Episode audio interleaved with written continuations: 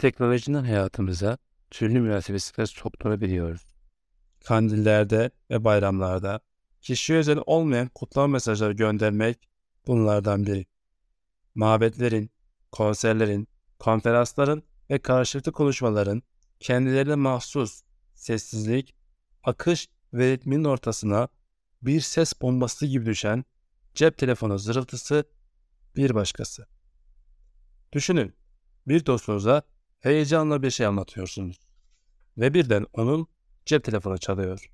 Arayan kişi o sırada sizin anlattığınız şeyden daha güzel, daha heyecanlı bir şey söylemeyecek bile olsa öncelik nedense telefona veriliyor.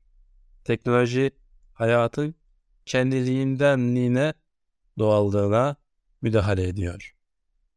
Hızla birlikte tabiata bakışımız değişiyor. Atlı arabadan trene geçmekle insanın manzarayı izleme biçimi köklü bir değişiklik geçirmişti.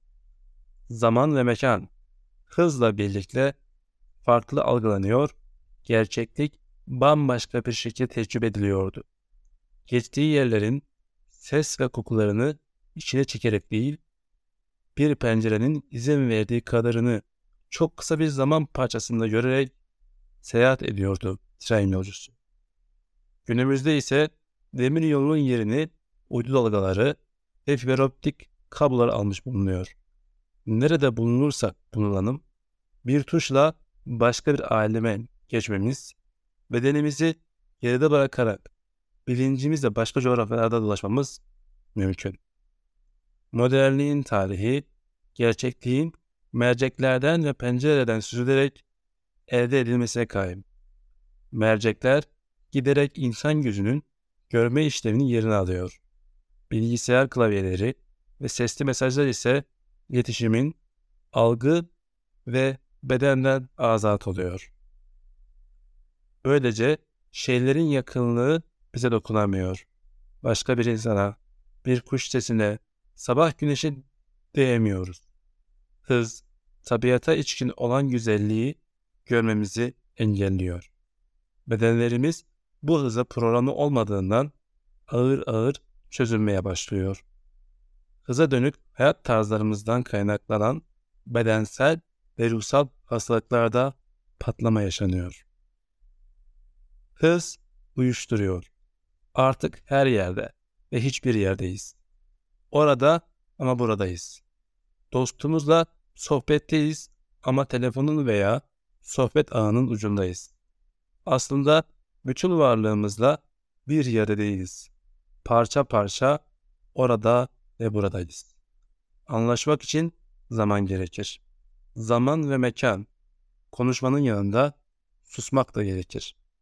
Birbirinin söylediğine dikkat kesebilmek, kalbini dostluğun kalbine yaklaştırmak gerekir.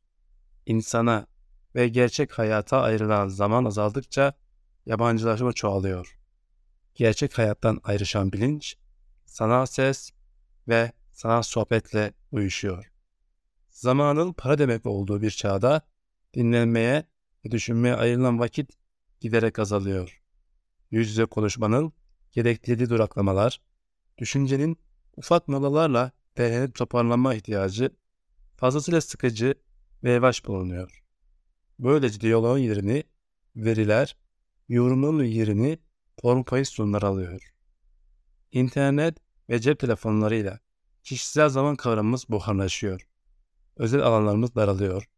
Bütünlük duygusundan uzaklaşarak parçalara ayrılıyoruz. Çok sayıda insanla daha geçici ve sığ ilişkiler kuruyoruz.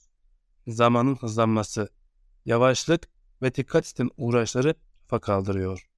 Sevmek için zaman ayırmak gerekir. Bilmek için zamana ihtiyaç duyarız. Güzelliği ancak zaman ayırarak fark ederiz. Zamanla olgunlaşırız. Lütfen yavaş gidiniz. Lütfen yavaş gidiniz.